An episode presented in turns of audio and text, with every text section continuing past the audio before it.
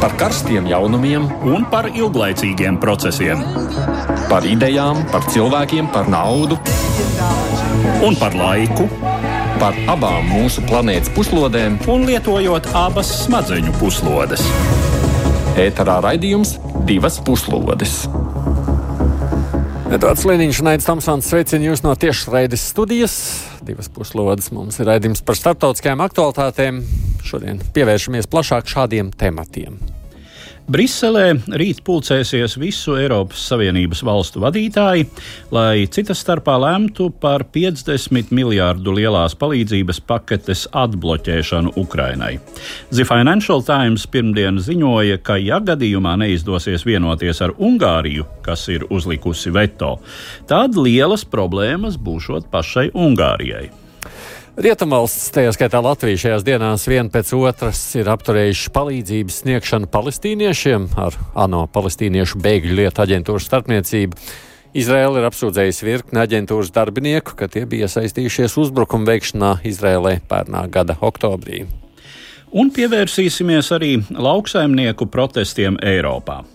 Nu jau vairākas nedēļas dažādās Eiropas valstīs zemnieki izbrauc ielās ar saviem traktoriem, lai protestētu pret valdību plāniem samazināt atbalstu lauksaimniekiem. Francijā tiek bloķēti ceļi ap galvaspilsētu Parīzi, bet Vācijā un Beļģijā traktori aizšķērsojuši ceļu uz ostām.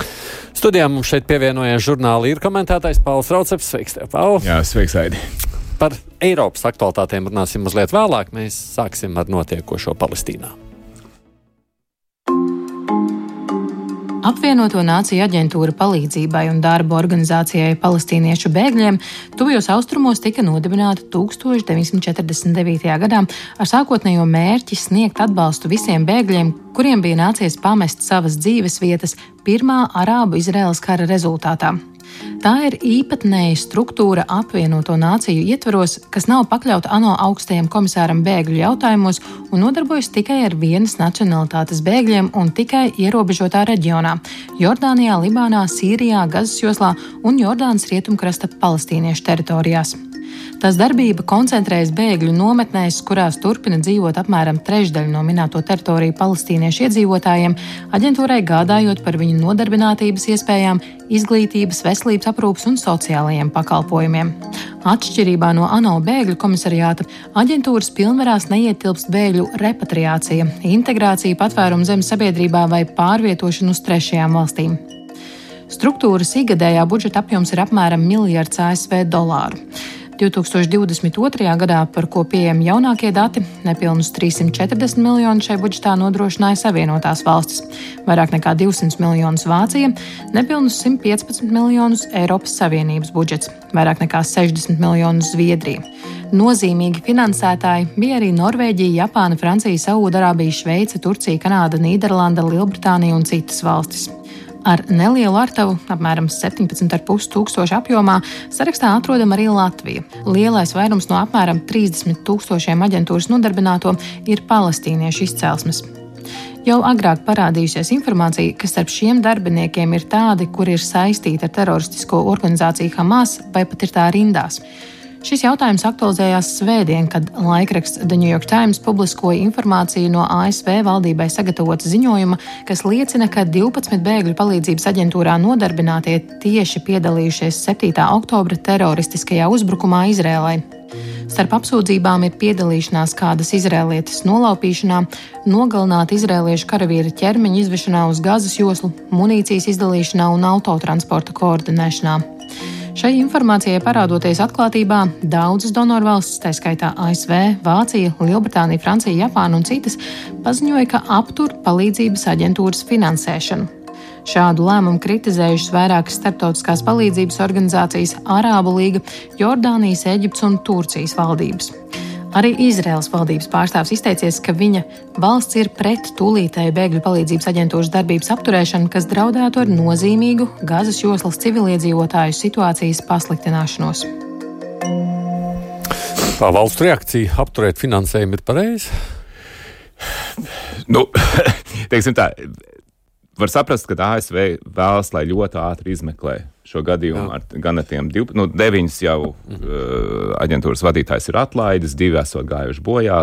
Tur ir vien, viens, par ko laikam nav skaidrība. Bet nu, ir bažas, ka arī citi var būt. Jā, teiksim, Izraela ir nākus klajā ar apgalvojumiem, ka Uh, pat pusē no visiem darbiniekiem, radnieki vai kaut, ir saistīti kaut kādā veidā ar Hamas, un ka tur uh, apmēram 1200 vai cik tur ir, ir kas ir. Uh, nu, tiešākā veidā saistīta ar Hamas. Nu, acīm redzot, ir jātiek skaidrībā par šiem jautājumiem, bet vienlaikus ir arī skaidrs, ka šī pēc būtības ir vienīgā organizācija, kas nogādā humanitāro palīdzību milzīgam skaitam palestīniešu Gazā. Nu, ties, tie aprēķini, es esmu redzējis dažādas skaitas, bet nu, tas ir vairāk par miljonu cilvēku, kas ir atkarīgi no šīs organizācijas. Tā ir paziņojusi, ka šo lēmumu rezultātā viņiem beigsies nauda februāra beigās. Kas nozīmē, ka pēc būtības Izrēlai pašai būtu jāuzņemas šo cilvēku apgāde, ko skaidrs, ka Izraela negrib. Tā ka, nu, es, nu, ir tāda sajūta, ka šis varbūt ir drusku vairāk tāds demonstratīvs solis, un ka mēģinās to atrisināt ātri, jo skaidrs, ka bez šīs ka šobrīd nav nekas, ko likt vietā šai organizācijai. Jā, no arī aicinājuši, ne tikai no, ka pieminēja, vai ne, tur veselu virkni valstu aicinājuši tā nedrīkoties. Jā, nu sakot, ka tas ir um, kolektīva soda veids tātad par šo dažu, nu, teiksim, tiešie pierādījumi par 12. Uh, Izrēlai šķiet ir ziņas konkrēti tādu skaitli, es lasīju 190, bet nu, visdrīzāk jā, ja rādi draugi paziņas, mm uh, tad skaidrs, ka tie varētu būt arī tūkstoši, kas ir tai vai citā brīdī pie viena galda vai uz viena divāna sēdējuši ar kādu no Hamas. Nu, pilnīgi noteikti.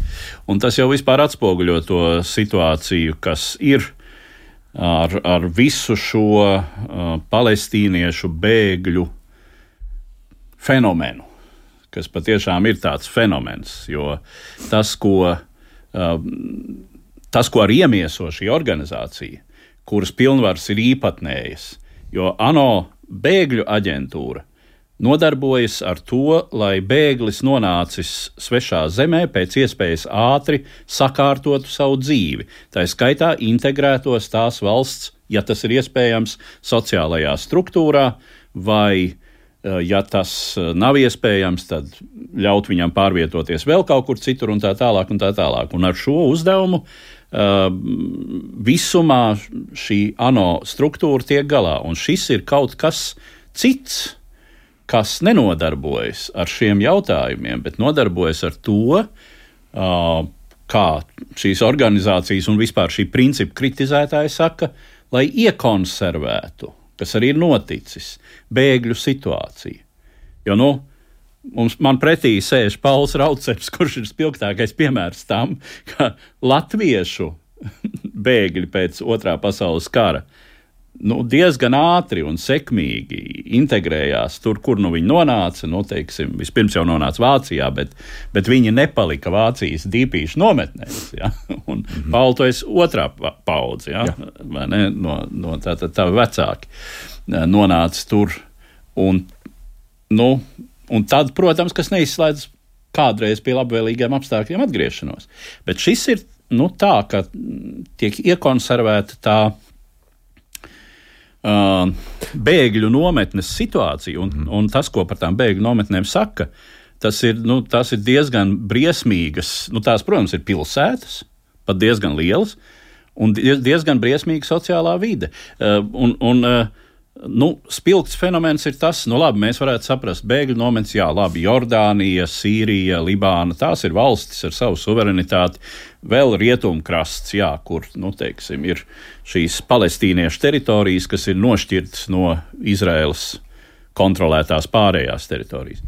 Bet šīs bēgļu nometnes turpina pastāvēt Gazas joslā, kas ir tīra, jau vairākus desmitus gadu tīra palestīniešu pārvaldīta teritorija, vismaz teiksim, iekšēji. Ja? Uh, palestīniešu rokās, nu, Hamas tur ir kungs un saimnieks. Ja? Un arī tur viņi turpina dzīvot liela daļa bēgļu nometnē. Kāpēc? Mm. nu, tas, tāpēc, ka tas ir uh, tāds dzīves iemiesojums prasībai atgriezties. Tā, ja pateiktu, ka šie cilvēki ir prom no savas, nu, no tās Palestīnas daļas, uh, kur tagad ir Izraels valsts. Uh, un ka viņi visdrīzāk lielais vairākums neatgriezīsies, viņiem ir jāatrod cita pastāvīga mājvieta. Uh, tad šīs tiesības uz atgriešanos, kas ir viena no palestīniešu puses vismaz daļa, nu, viņi vienmēr to uztur, ja sarunās ar Izraelu, ka mums ir kaut kādā veidā jāgarantē vismaz daļai cilvēki iespējas atgriezties mājās, kuras viņi vai viņu vecstāvi vai vecvē, nu, vienā, nu, kaut, kā, kaut kādā tur paudzē ir atstāja pēc 49. gada. Um, nu, šīs organizācijas pārveidošana par kaut ko līdzīgāku vispārējai tai bēgļu organizācijai. Pēc būtības pateikt, nu viss tās tiesības uz atgriešanos tādā formā vairs nav. Jums nav šīs sevišķās tiesības. Un tāpēc arī Izraela jau ļoti sen ir vēlējusies, lai šo organizāciju izveido, lai vai nu viņi tiktu iepludināti tajā kopējā bēgļu organizācijā. Jā, jā, jā. Nu, vai pārveidot. Pārveidot, nu, jebkurā gadījumā, lai, lai, lai nebūtu šī, teiksim, tas ideoloģiskais pamats, ka mēs uh, saglabājam dzīvu domu, ka visi šie cilvēki kādreiz varētu atgriezties savās mājās. Nu, un, un, un, un, un droši vien, ka tie cilvēki, kas faktiski tās mājas pamet, lielākā daļa jau sen ir citās saulē, ja teiksim tā, ka viņu bērni un mazbērni un mazbazbērni. Jā, uh, nu, tu pie, piedzimsti, tu, saprot, tu, tu piedzimsti šai pasaulē, un tu esi nolēmts tam, ka tu vari visu mūžu, un, un tas ir noticis jau ar pāris paudzēm faktiski, ka tu visu mūžu dzīvosi ar vienīgo domu, ka tu atgriezīsies, un pie kam tas nav tādā nu, filozofiskā līmenī. Nu, ebreji jau arī gadu tūkstošus dzīvoja ar šo domu, ka reiz viņi atgriezīsies apsolītajā zemē. Un galu galā atgriezās, ja? nu, kas, at, kas arī ir viens fenomens pasaules vēsturē. Bet tas nav tādā līmenī. Tas ir tā ļoti konkrēti. Mm -hmm. ja? Ka būtībā tava mūža nolemtība ir dzīvot un arī cīnīties vēlams tam, lai tu un vispārējie atgrieztos nu, tur, kur jūsu sacīt, senču dzimtene, Palestīna, dažus desmitus kilometrus no tās vietas, kur tu dzīvo šobrīd, mm. bet lūk, principiāli. Tur atpakaļ, kas un pie tam, nu, kas attiecas uz uz lielu daļu, vismaz tiem, kas atbalsta Hamas eh, un arī citiem, ja, ka tā tad tajā brīdī, kad mēs tur atgriezīsimies, tad nekādas Izraels valsts tur nebūs. -hmm. Bet ir arī, es domāju, ir arī svarīgi ņemt vērā, ka tās arābu valstis, kur atrodas, teiksim, no ārpus Gāzes un Rietumkrasta, teiksim, Jordānija, ir sevišķi, uh, kur atrodas šīs bēgļu nometnes, vai Libāna varbūt nedaudz mazākā mērā, viņas nemaz negrib šos cilvēkus integrēt. Es domāju, Jordānijai tas nozīmētu ļoti būtisku pilsoņu kopumu teiksim, izmaiņu, jo tie palestīnieši Jordānijā, es precīzi procentus neatceros, bet tie nav pāris procenti. Jā, tie ir, tie ir, Manuprāt, Jordānijā viņu jā. ir. Jā. Nu, katrā ziņā viņi, viņi, viņi ir diezgan tie, tie simti tūkstoši. Ja viņi, noteikti, bet, manuprāt, jā, jā, jā. Jordānijā ir jā. ārpus. Jā. Uh, Jordānija ir vislielākā. Un, un tas, tas, no, tas ļoti nozīmīgi, kopiena. ļoti nozīmīgi izmainīt pilsoņu kopumu. Un, un uh, arī uh, lasot to viens komentārs. Manuprāt, piedod, bija runa par diviem miljoniem jā. Jordānijā. Varētu būt, jā, kas, teiksim, priekš Jordānijas tā ļoti, tas ļoti liels skaits. Un savukārt um, bija arī nozīmīgs skaits palestīniešu Kuveitā 90. 91. gadā, kad Huseins tur iebruka. Un viņus pēc tam Kuveita diezgan tādā rupjā veidā viss izraidīja, jo viņi bija nostājušies Sadām pusē tās okupācijas laikā, un tas vietējiem, protams, nepatika. Mm. Man te vēl būs ko jautāt, bet mēs esam arī šobrīd sazvanījuši no ārlietu ministrijas preses sekretāra Diāna Eglīti. Eglīts kundze, labdien! Labdien! Jā. Mēs te runājam par šo ANO aģentūru un to aicinājumu arī no paša ANO neapturēt maksājumus aģentūrai, jo tur tā situācija tāpat tā gazā esot briesmīga. Nu, bet kāpēc mēs neieklausāmies šajos aicinājumos? Nu, vispirms jāsaka, jā, ka Latvija, tāpat kā citas Eiropas Savienības valstis un ASV, ir atbalstījusi aģentūras humanās palīdzības darbu ar iemaksām tās budžetā. Uh, Mūsu iemaksas eh, kopš 2020. gada ir bijušas 17,000 eiro gadā. Eh, jāatgādina arī, ka pērn eh, gada beigās ministru kabinets reaģējot uz eskalāciju Gazas joslā ir piešķīris arī vienreizējo papildu finansējumu 100 tūkstoši eiro. Šī gada maksājums vēl nav veikts. Latvijai tas ir jāveic līdz uh, gada beigām, Un tam iemesls ir tāds, ka, jā, ka mēs esam nobežījušies par šīm apsūdzībām, ka aģentūras darbinieki varētu būt iesaistīti Hamas uzbrukumā Izrēlai. Un tas, protams, ir ļoti tāds um, kliedzošs fakts. Ja? Um, mēs ceram, ka ANO izmeklēs šo rūpīgi ja? un, un, un vainīgie tiks saukti pie atbildības. Un kamēr nav notikusi šī rūpīgā izmeklēšana, nu, mēs šo maksājumu esam uh, iesaldējuši. Bet saku vēlreiz, ka mēs tajā pašā laikā vienlaikus ceram, ja, ka šī situācija arī neradīs būtisku apgrūtinājumu humanās misijas tālākai izpildēji uh, gan Gazas joslā, gan arī plašākā reģionā. Nu, jā, labi, par to mēs arī paši studijā, studijā noteikti parunāsim, bet uh, ko tad jūs sagaidāt, kas ir tas lēmums, kam būtu jābūt, lai Latvija izlēmtu ko? Mums, nu, mums, protams, ir svarīgi, kādi būs izmeklēšanas rezultāti. Lai tie būtu teiksim, taisnīgi, vainīgie tiktu saukt pie atbildības un uh, humānā misija un humānā palīdzība varētu tikt turpināta. Ir jāsaprot, kas tad īsti ir vai nav noticis, lai varētu lemt uh, par tālāko. Nu, un labi, un ja atklāsies tie fakti ar vien vairāk, vairāk un nepatīkami, tad? Nu, tad ir svarīgi, lai vainīgie tiktu saukti pie atbildības un uh, humānā palīdzība varētu tikt turpināta. Bet jūs paredzat, ka visticamāk tas maksājums notiks? Mēs ceram, ka tas maksājums notiks. Jā, mēs ceram uz taisnīgu izmeklēšanu un tādu fundamentālu, un ka tas maksājums varētu tikt notikt. Mm -hmm. Paldies, Diana Eglīte, kas ir ārlietu ministrijas preses sekretāra. Bet par šo pašu faktu kā tādu, nu, mēs sakām, tas nozīmē Eiropa, Rietumi, Amerika vispār, ja finansējot, nu, tad, tad minēja miljārdus, nu, kas ir milzīga summa, vai ne? Labprāt uztur šo te esošo situāciju tādu, kāda tā ir. Ja mēs maksājam par cik, to. Cik labprāt tas ir Tas, protams, ir jautājums, jo nu, ir, kā jau teicu, ir dažādi viedokļi, kritizēta šī situācija pietiekami, bet no acīm redzot, um, jā, nu, protams, procesam ir milzīga inerce, nenoliedzami.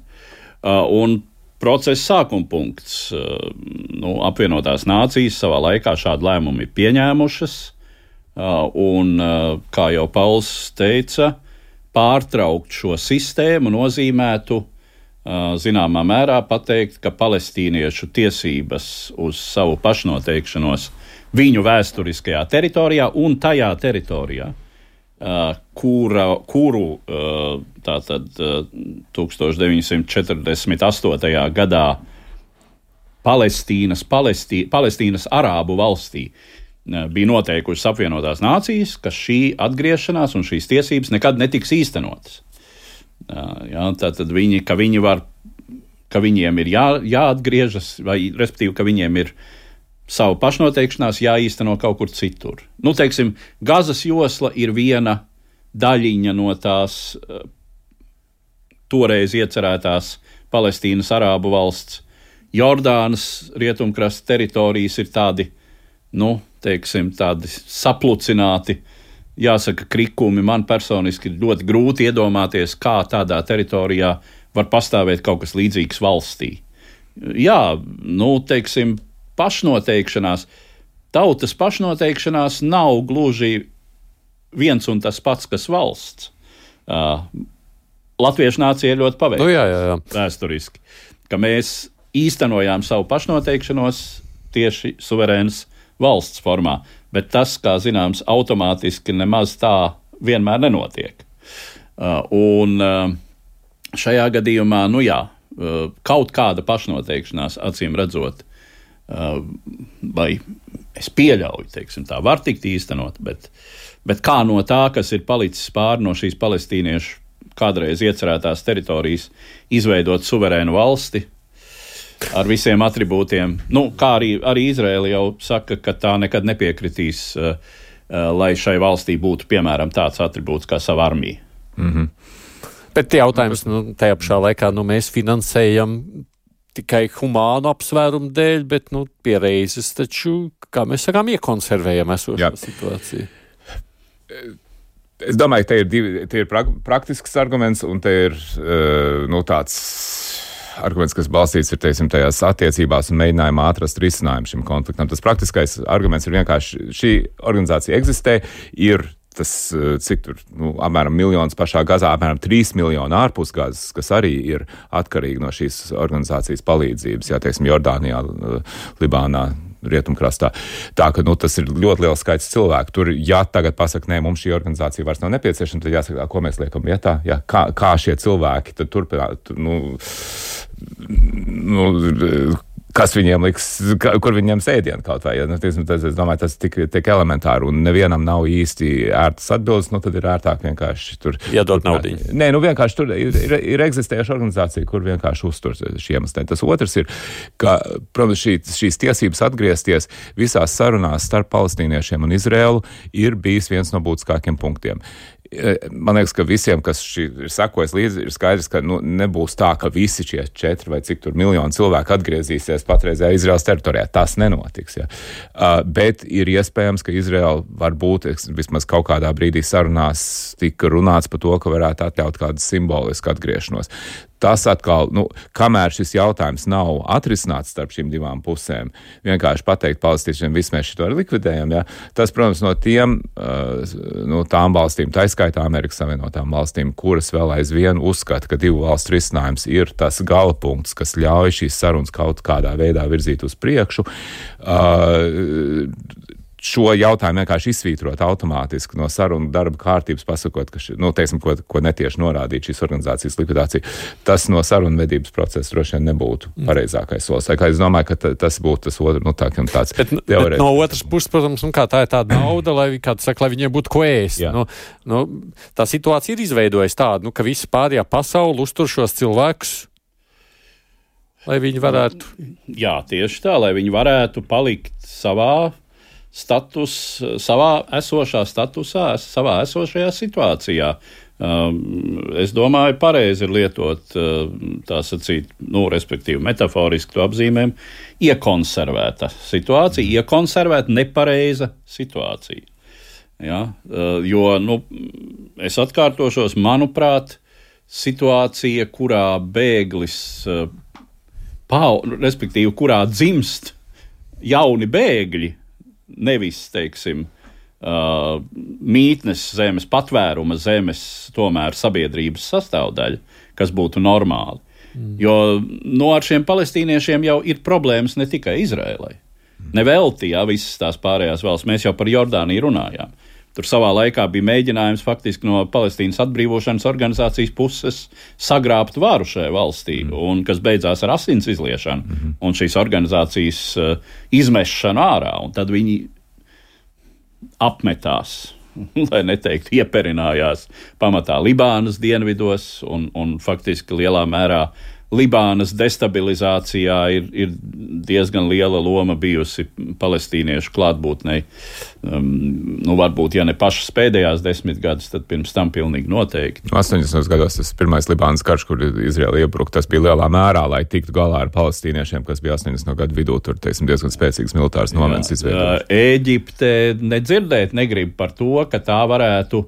Uh, ka tā varētu, uh, teiksim, uh, atgriezties pie situācijas, kāda tā bija līdz 1967. gadam, un uh, pārņemt savā kontrolē gazas joslu. Nu, līdz ar to varbūt acīm redzot, kaut kā integrējot tur dzīvojušos palestīniešus savā sastāvā. Eģiptei, teiksim, ar tās milzīgo iedzīvotāju skaitu, nu, tur tie pāris miljoni gazas sektoru palestīniešu runā apmēram tajā pašā valodā. No tā paša reģiona, nu, tur, teiksim, pat integrācija nebūtu īpaši problēma, nu, ja mēs domājam tā par tādu integrācijas tehniku. ja? Bet, uh, nu, nē, ja, jo, jo nu, tas jau ir. Tā ir jau gadu desmitiem iestrādāta izjūta par to, kas ir šo cilvēku dzīves lielā mērā saturs, ja ne, ja ne absolūti, tad politiski katrā ziņā. Jābeidz šobrīd, bet interesanti saruna. Es domāju, ka te mums būtu vēl šādi tādi interesanti aspekti, ko pārnāt, bet tagad pievēršamies notiekušajiem tuvāk tepat Eiropā. Vispirms par gaidāmo samitu. Rīt Eiropas Savienības valstu vadītāji pulcēsies uz ārkārtas samitu Briselē. Šī kopā sanākšana nebūtu vajadzīga, ja iepriekšējā, kas notika decembrī, Eiropas lielais spītnieks, Ungārijas premjerministrs Viktors Orbāns, nebūtu iecirties un vienpersoniski nobremzējis ilglaicīgās palīdzības paketes piešķiršanu Ukrainai. Svētdien izdevums Financial Times savā publikācijā pavēstīja par kādu dokumentu, kas esot tapis Eiropadomas sekretariātā un aplūko iespējas, kā Savienības centrālās institūcijas varētu dot triecienus Ungāru ekonomikai, ja Budapeštas varas vīrs turpinās tiepties. Savienības valstu līderi izteiktos par pilnīgu Savienības fondu piešķīrumu pārtraukšanu Ungārijai, kas neizbēgami mazinātu investoru interesi, pasliktinātu valsts kredītreitingus, liktu kristies Ungārijas forinta kursam, kam visam būtu bēdīgs seks Ungārijas ekonomikai. Šāda kādas dalību valsts ekonomiska taranēšana būtu līdz šim nepieredzēta Savienības taktika. Publikācija oficiāli tiek traktēta kā informācijas noplūde, taču daudz analītiķi izsaka pieņēmumu, ka šāds teksts nopludināts ar nolūku dot Ungāru līderim visai konkrētu mājienu, ka kolēģu pacietība tuvojas beigām. Ungārijas Eiropas Savienības lietu ministrs Jānis Boka Financial Times paziņoja, ka viņa valsts spiedienam nepakļaušoties un uzsvēris, ka Ungārija esot gatava tālākām sarunām. Budapeštas galvenais ierosinājums tagad ir sadalīt četriem gadiem paredzēto atbalsta paketi mazākos ikgadējos piešķīrumos. Vairāk citas Savienības valstu vadītāji jau noraidījuši tādu iespēju, jo tas nozīmētu, ka Orbāns vai kāds cits potenciāls spītnieks varētu ik gadu dancināt Eiropadomu šai jautājumā. Tiek piesaukt arī iespēja, ka dažas dalībvalstis esot gatavas virzīt tālāk pret Budapeštu uzsākto procedūru Eiropas Savienības līguma 7. panta kārtībā, kas galu galā var novest pie Ungārijas balstiesību atņemšanas Eiropadomē. Šāda iespēja gan tiek uzlūkota kā galējs līdzeklis, par kura iespējumu lietošanu padomā vēl ne tuvu nesot vienprātības. Divas puslodes. Atgādījums studijā ar mums kopā ir arī žurnāla ir komentētājs Pauls Rauceps. Kā izstās? Izdosies? Nu, tur tas Ungārijas ārlietu ministrs stingri pateica, ka mēs nepiekāpsimies, bet es esmu gatavs runāt. Tad nāca ar kaut kādiem priekšlikumiem. Tā ka es domāju, ka eh, nu, jācer, ka viņi ir sapratuši mājienu. Un, Ungāri. Un, Ungārijā. No tā Financial Times māja. Nu, es domāju, tas bija vienkārši tā, lai pasvītrot droši vien, ka viņiem privāti arī tas ir pateikts, bet, bet nu, jācer, ka viņi sapratīs, bet ja nē, es domāju, ka ir jārīkojas tā un vēl skarbāk, jo, jo, jo šis ir gadījums, kur, labi, mēs visi saprotam, valstī ir savas mazāks vai lielāks intereses ekonomisks, ko viņi tur kārto Eiropā domē, tad iestājas par, ka varētu kaut ko uzlikt. Bet šis ir jautājums, kas skar citu dalību valstu vitāli svarīgās drošības intereses. Eiropas Savienības dalībvalsts, kas to neievēro un kas tik atklāti nostājas pret mūsu vitāli svarīgām interesēm. Nu, tas nav pieļaujami. Es domāju, ka te, šajā gadījumā nevajag ar viņiem kaut kādā veidā auklēties. Um, es arī cits starpā par šo skatos, domāju, nu, mēs tagad uzzinājām. Um, šonadēļ par Tatjana Ždanokas sa sazināšanos ar Kremļa pārstāvjiem. Orbāns aizbrauc un pats tieks ar Putinu kur pārunā lietas, un tad paziņo par šo te, uh, ka viņš uzliks veto. Viņš, un viņš taču saņem ar, uz atvieglotiem noteikumiem, un ir saņēmis jau ļoti sen pat tajā laikā, ka bija Latvijā politiķi, kas par viņu ļoti jūsmoja, saņem uz atvieglotiem noteikumiem gāzi, un e, Krievija viņam būvēja atomreaktoru un tā tālāk. Nu, es atvainojos, viņš arī nav tāds, tāds pats aģents kā Ždanoka. Ja. Ja klausīsies Paula teiktajā, Eiropas Savienības līderi viņa padomu ņems vērā? Nu, es domāju, ka uh, tā tas izskatās, ka nu, ir. ir uh, tā auklēšanās ar, eh, ar Orbānu ir, ir visiem. Nu, Pauls jau būtībā visu pateica. Bet man jau šķiet, ka viņam sen jau piegriezušies, jau bija. Bet, taču, nē, nē, nu, te, te, protams, ir viens tāds aspekts, kas. Kas, kuru, ar kuru Orbāns spekulē, tas ir tas, ka tomēr Eiropa joprojām tas ir fundamentāls princips. Eiropa joprojām nav nekāda federatīva valsts. Tā joprojām ir valstu savienība. Katrai valstī ir sava uh, suverenitāte, un tā deleģē šo suverenitāti tikai tik tālu, cik tālu tā to vēlas. Nu, vai cik tālu vienojas kopīgi, bet patiešām kopīgi un vienbalsīgi. Un, uh, nu, tas ir tas, kāpēc teiksim, Orbāns var spītēties tik ilgi. Jo uh, ir, ir patiešām jābūt nu, nepārprotamai visu pārējo valstu nostājai, lai viņu, saka, nolikt pie vietas. Un, un, nu, protams, ka šādi tas, tas nav labs precedents, ka, teiksim, ja mēs tiešām iedomātos, ka tādu mehānismu, kas, kas nav arī nekādos normatīvos dokumentos uzrakstīts, ka tā vajadzētu darīt uh, pārējās dalību valstis mērķtiecīgi aizlauž kādas valsts ekonomisko stabilitāti. Ja? Uh, nu, tā ir situācija, kādai nevajadzētu būt vispār.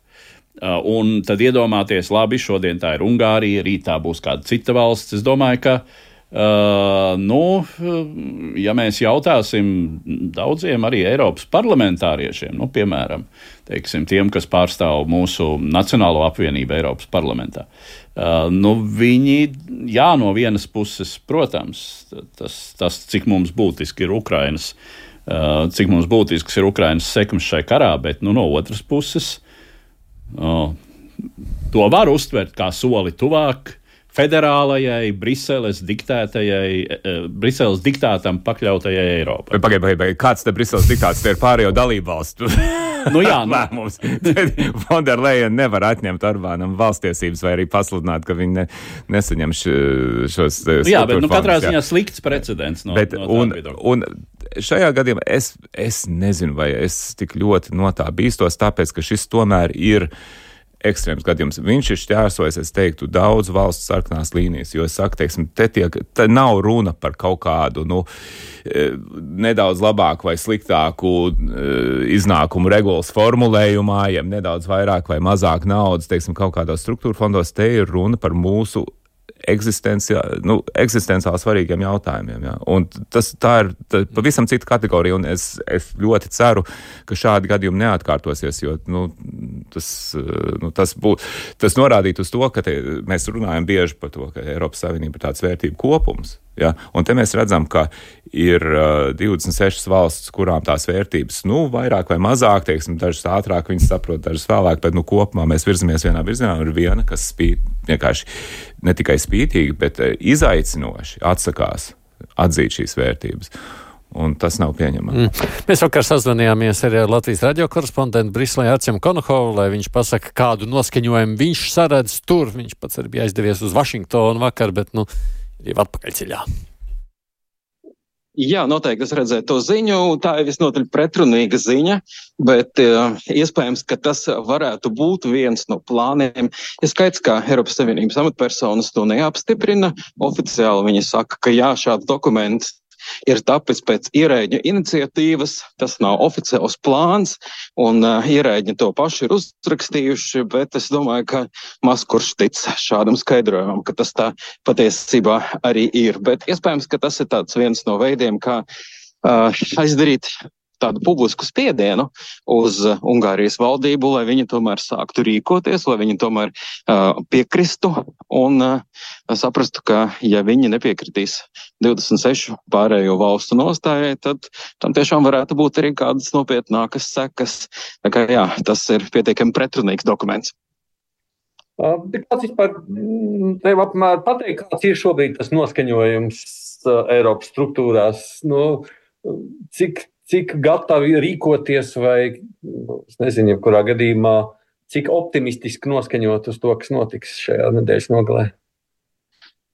Es domāju, ka Briselē noskaņojums eh, par iespēju 27 Eiropas Savienības valstīm vienoties vai vismaz atrast kādu risinājumu, kas būtu pietiekami ātrs, ir eh, lielāks eh, nekā par iespēju Vašingtonā par kaut ko vienoties, jo šeit kongress ir pilnībā paralizēts un neizskatās, ka tuvākajā laikā varētu tikt spērti kādi būtiski soļi, lai palīdzētu Ukrainai, lai sniegtu viņiem finansiālo atbalstu. Līdz ar to tomēr Eiropa ar visu savu savu slaveno vai tādu zināmo lēnīgumu, šķiet spēs pieņemt jautājumu ātrāk un atrast veidu, kā vai nu 27 valstīm vienoties, vai arī tomēr 26 valstīm sameklēt kādu citu risinājumu, lai Ukrainai tomēr tiktu sniegta finansiālā palīdzība 50 miljārdu eiro apmērā. Un uh, tas ir ļoti, ļoti būtiski, jo Ukrainai tiešām ir steidzami nepieciešama nauda un steidzami nepieciešama palīdzība no Eiropas ko tā ir solījusi. Tas ir arī reputācijas jautājums.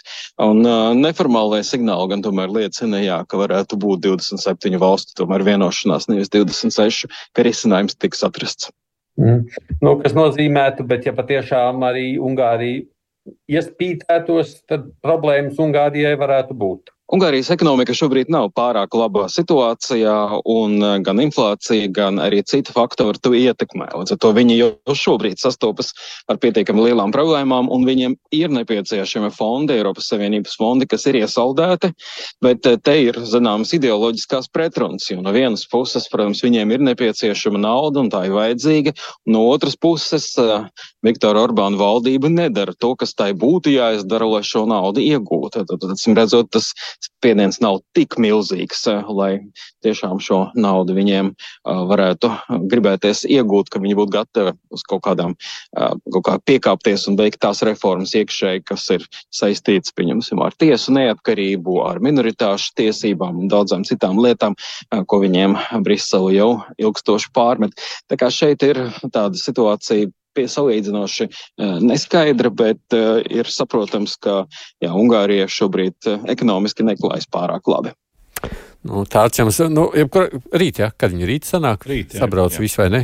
Kas vēl tur varētu būt iekš lemšanas, ir kaut kas zināms ārpus Ungārijas, citi temati arī varētu parādīties, lai gan šis ir tāds ārkārtas sajūts. Nu, tiek pieminēts, ka tā kā nepelnīti uh, temats, par ko mēs tūlīt runāsim, proti. Ah Eiropas uh, lauksaimnieku protesti ir palikuši ārpus. Uh, vai nu, bet ļoti iespējams, nu, teiksim, tiek izteikts pieņēmums, ka varbūt tomēr situācijas spiesti Uh, va, Eiropas valstu vadītāji runās arī par šo uh, vairāk. Nu, man jāatzīst, es neesmu, mm -hmm. neesmu izskatījis, kas vēl ir samita dienas kārtībā. Es to redzēju mazliet tā, bet tas, man liekas, nebija saistīts ar samitu. Tas bija runa tātad uh, pārstāvji ir vienojušies par to konfiscēto aktīvu, mm -hmm. Krievijas konfiscēto aktīvu izmantošanu uh, Ukrainas labā.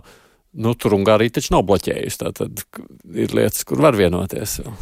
Vai, tie, vai tas nav tāds, nu, varbūt arī tāds signāliņš? Nu, varbūt viņi saprata, ka kaut kur tomēr ir jāapstājas. Jā. Jāapstājas, jā, ka nevar visu laiku tikai kacināt. Un, un tā jau arī nav Eiropas Savienības nauda, jā, teiksim, nu, teiksim, par šo naudu, kas tagad tik pārskaitīta, tā ir arī, nu, vismaz kaut kāds daļiņa ir, mm. ir un, no Ungārijas iemaksāta, nu, teiksim, tas ir vienkārši Krievi. Jā, bet, nu, tas ir nav. tomēr diezgan zīmīgi, ka, nu, ir šī alternatīva it jā. kā atstāt Ungāriju malā un eh, darīt 26 valstu. Nu, tas nozīmē eh, veidot kaut kādu mehānismu ārpus Eiropas Savienības regulārā budžeta. Mm.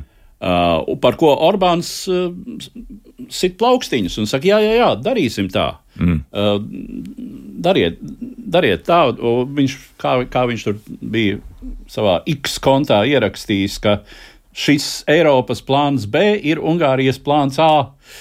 nu, lūk, bet tas atkal ir saistīts, jā, bet tas jā. ir saistīts ar uh, die, nu, diezgan lielu ķēpāšanos, jo tad to būtu jāapstiprina visām visiem parlamentiem 26 valstu, kas, protams, prasa laiku, un nu, tad jau atkal Krievijas ietekmes aģenti varētu dažādās vienā vai otrā valstīs iedomāties, ja, ka viņi uzreiz sāk. Nu, tur ne, Nerunājot. Ne, Kipru, es domāju, kur jā, jā. tur vēl, jā, tur. Varbūt, nu, jā. Visur, kur var parādīties Slovākija. kādi, jā, var parādīties kaut kādi.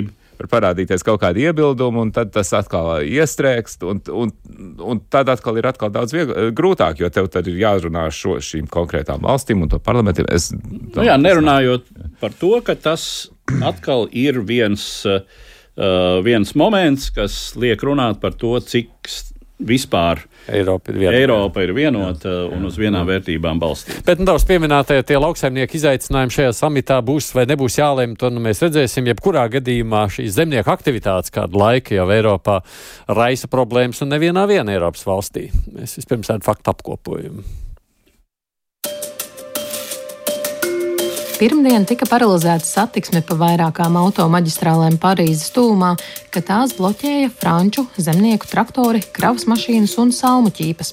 Zemkopji protestēja pret veselu virkni regulējumu un politisku pieeju, kurās saskata savu interešu neievērošanu.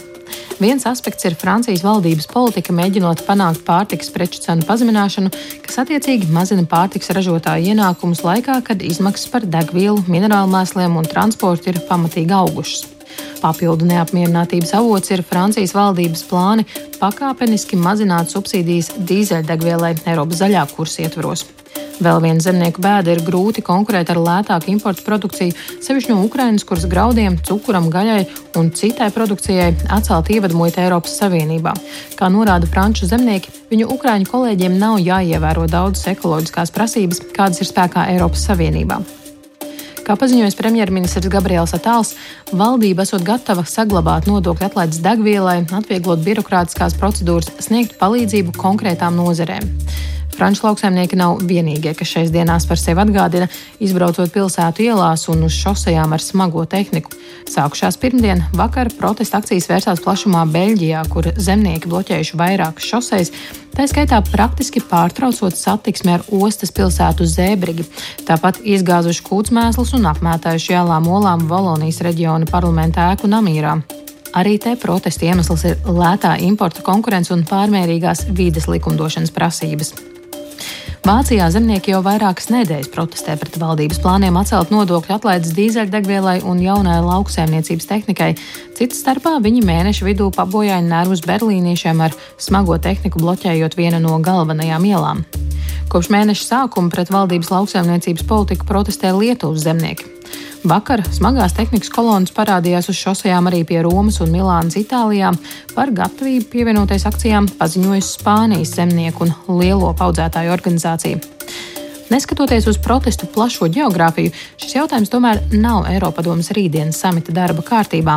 Tomēr, kā raksta britu izdevums The Guardian, iespējams Brisele piekāpsies lauksaimniekiem, atliekot uz vēlāku prasību 4% zemes platību atvēlēt papuvēm, dzīvžogiem un citai vides daudzveidību veicinošai darbībai.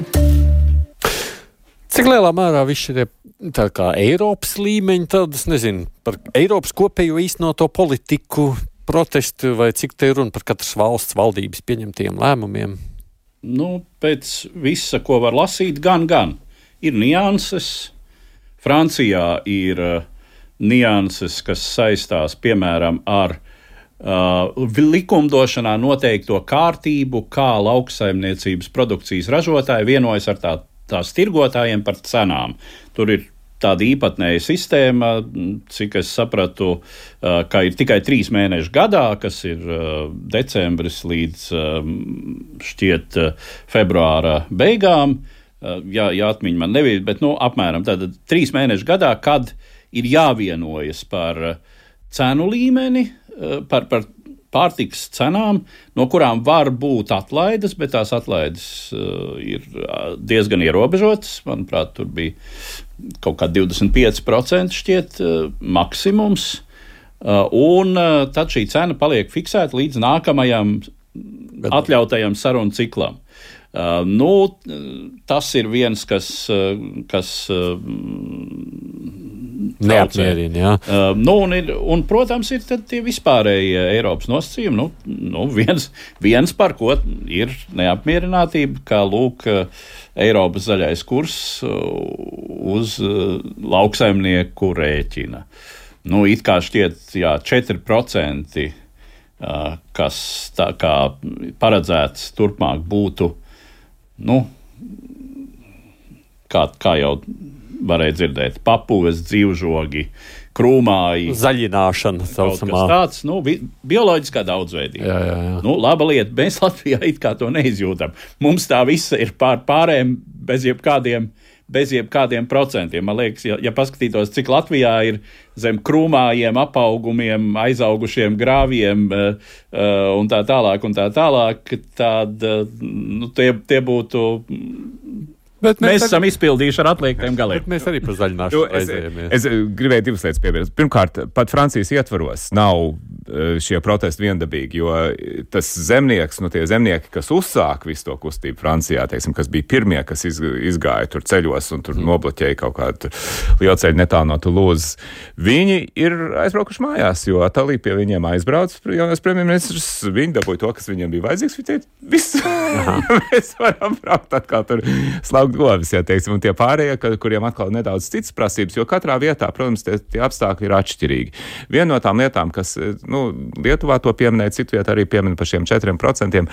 Um, es vienkārši tādu sāku domāju, tiešām tas uz mums neatiecās. Mūsu Ir, ir, ir. Es esmu nē, nē, nē, nē, tad- nē, nē, tā- nē, zaļināšanu. nē, tas, tas attiecās, bet uh, es uh, nu, piezvanīju pazīstamam cilvēkam vienā vidas aizsardzības organizācijā un paprasīju, nu, ka, kas ir. Un, uh, man, ko man teica, ir, ka īsnībā nu, pēc būtības tie 4% lielā mērā jau daudziem zemniekiem ir, jo tās ir pēc būtības grāvmalas, grā, nu, ap lauku malu, un ja tev ir tās grāvmalas, nu, teiksim, kur tu nesēji, un vēl tev ir koks lauku vidū, tad pēc būtības tu tos 4% jau esi apmierinājis. Tā ka droši vien, ka nu, varbūt ir kaut kādi zemnieki, kuriem tas rada kaut kādas nelielas grūtības, bet Latvijā lielā mērā nē. Iespējams, ka, teiksim, ka tie, tā lauka konfigurācija citur ir cita, un viņiem varbūt tas ir drusku sarežģītāk. Bet, nu, teiksim, tā, ka tas, un, tā, ka es it's varbūt arī nevā, nevispārināt pa zaļo kursu, jo šis ir īsni, šī ir īstenībā vienīgā prasība no tā zaļā kursa, kas izskan šajos te Nu, protestos. es saprotu, ka tā Jā, jā. degvielas, Degvielas atlaides lietas, jā. Bet, bet, bet, bet, bet, bet, tas jau nav saistīts ar zaļo kursu. Tas katrā valstī ir atšķirīgi. Atka, viņi vienkārši tās uh, valstu valdības cenšas iekasēt nedaudz vairāk naudas, un tā ka viņi sa samazina to, tos, Tas, subsīdijas. Vācijas gadījums, ka tur Jā. tiešām tās budžeta problēmas. Bet, Jā. nu, Nu, tā- nu, tā- nu, tā- labi, da- neesmu izlasījis uh, Nē, nē. desmitiem rakstus šai es- sakarā, bet tie- tie daži, kurus izlasīju, tur tomēr, cik es saprotu, tad, tad tādā Francijā un Beļģijā tas. Arī Itālijā tas ir saistīts ar to, ka Jā, jā, klimat- tā ir klimata tā ir fosilā, fosilais kurināmais, kuru vajadzētu tā kā nu, vismaz nesubsidēt. Jā. Jā, nu, tur, Lai gan ka, ko, ar ko citu, nu, man ir uh, traktors, tā nav automašīna. Uh, tur uz elektromotoru ir krietni grūtāk to tehnoloģiju pār, pārveidot. Bet uh, mēs redzam, jebkurā gadījumā, nu, beig beigās tā nav tikai viena Francija. Tie visi protesti, un Latvija arī šodien mūsu zemnieki sasparojās. Ha? Viņi arī no 5. februāra iešot visi ielās. Nu, jā, tas ir, tas ir tāds fenomens, ko uh, mūsdienu komunikācijas līdzekļi nodrošina, ka tāds piemērs ir uh, aizraujošs, iedvesmojošs. Uh, Un katrā vietā jau ir kaut kas, es domāju, ka mm, mūsu zemnieki ļoti iespējams savos protestos runās par lauku skolām un Nē, pastiprinājumu. nē, nē. Viņiem ir arī birokrātijas mazināšana. Te bija tās prasības. Mm. Es, kamēr jūs runājat, es ātri sameklēšu. Mm. Birokrātijas mazināšana tur bija. Tur bija uh, labi, turpiniet. Tikai vienkārši es par to faktu kā tādu, ka kā viens otru iespaido beig, beigās, un visa Eiropa aiziet Nu, jā, ārā. un kaut kur jau, protams, nu, ir tas fons, kas ir izjūta par to, ka, mm, kas ir droši vien ne tikai Latvijā, ka uh, mums ir bijusi mm, ierobežota, tomēr, ka vāra ir pārāk daudz atļāvusies diktēt uh, pandēmijas laikā. Uh, ka, nu, ka mūs, mūs nu, šajā gadījumā zemniekus nesaprot. Ja? Nu, tie, es tādu nolasu, tā birokrātijas mazināšana lauksaimniecības nozarē. Nu, tas ir tāds jēdziens, kur mm. tu tagad ieliec, kā tu to saprati, vai ne? Atteikšanās no nacionāla līmeņa zemes apgrūtinājumiem un citiem zemes lietošanas ierobežojumiem. Un te nu arī droši vien mēs Nu, tā- tikpat gudri esam, cik Jā. bijām. Nu, viena lieta, kas ir skaidrs, 5% pasamazinātā PVN, tomēr tagad parādījās zemnieki šajā mirklī. Aizliegt Krievijas, Baltkrievijas pārtiks ieviešanu, nu, tas mums tā kā nu, šķiet. tas tagad it kā. tā kā, Tas nu, tā un- jā, jā, jā, un plašāk pieeja apdrošināšanas programmām. Jā, nu, principā ir. Es teiktu, tā, ka nu, no malas skatoties, Jā, nezemnieks. kā, ne, kā nezemnieks un arī kā nepolitiķis, es teiktu, nu, tur ir punkti, par kuriem valdībai vismaz vajadzētu apsēsties ar zemniekiem pie viena galda un parunāties. Nu, bet man liekas, arī te var manīt nedaudz, ka redz, kā, ā, redz, kā tur Francijā viņiem izdodas, Beļģijā izdodas. Varbūt mēs arī varam pamēģināt ar tādu skaļāku protestu kaut ko tur dabūt, ko, ko teiksim, tā mierīgi runājot pie galda ministrijā, varbūt tik, nebūtu tik vienkārši. Nu, redzēsim, es domāju, ka tur visi. Jebkurā gadījumā pavasars ir. Vairs nebūs laika protestēt. Nu, ja tu vari protestēt zemnieks, kurā brīdī viņš var tikai ziemā vai ne? Nu, ziemā ir krietni, krietni tas zemniekam ērtāk Bet pavasarī. ļaužu citi darbi. simpātijas, ļaužu simpātijas atšķiras. Nu, pieņemsim, kā jūs domājat, Latvijas iedzīvotāju simpātijas pret, ja, me, ja mums te bloķēs, pieņemsim, kāds brīvības iela un sastrēgums taisīs, būs citāds nekā ja to darīja dažādi. Es, eh, Nu, eh, redz, piemēram, eh, Vācijā, kur, starp citu, to es savā uh, ievadā aizmirsu pierakstīt, uh, kā arī Vācijā tiek ostas bloķētas. Uh, tur Hamburgā un, un nu, vispār Lejas Saksijā uh, šīs tirdzniecības ostas, nu, un kuģu rēderi jau ir nākuši klajā ar paziņojumu, ka vispār uh, nozarei, kurā ir tik lielā mērā atkarīga no valsts subsīdijām un būtībā uzturēta, vajadzētu jau nu tomēr mācīt uzvesties un nekrist tik ļoti uz nerviem tām nozarēm, kas reāli pelna valstī tos, tos nodokļus, respektīvi. Nu, jā, tāds ar mājiens ar sēdz mietu, ka vispār jau, nu, ja šitos drusku, drusku noliktu, kā saka, pie vietas, pie vietas tad, tad kuģinieki jau atvestu vajadzīgo pārtiku no citām pasaules vietām. Kas, starp citu, ir viens no jautājumiem, kas tagad varētu uzpeldēt Briselē, jo viena no prasībām, vismaz Francijā, ir, lai Eiropas Savienība nes, neslēdz brīvās tirdzniecības līgumu, jeb tirdzniecības līgumu Merkosura Dienvidu Ameriku.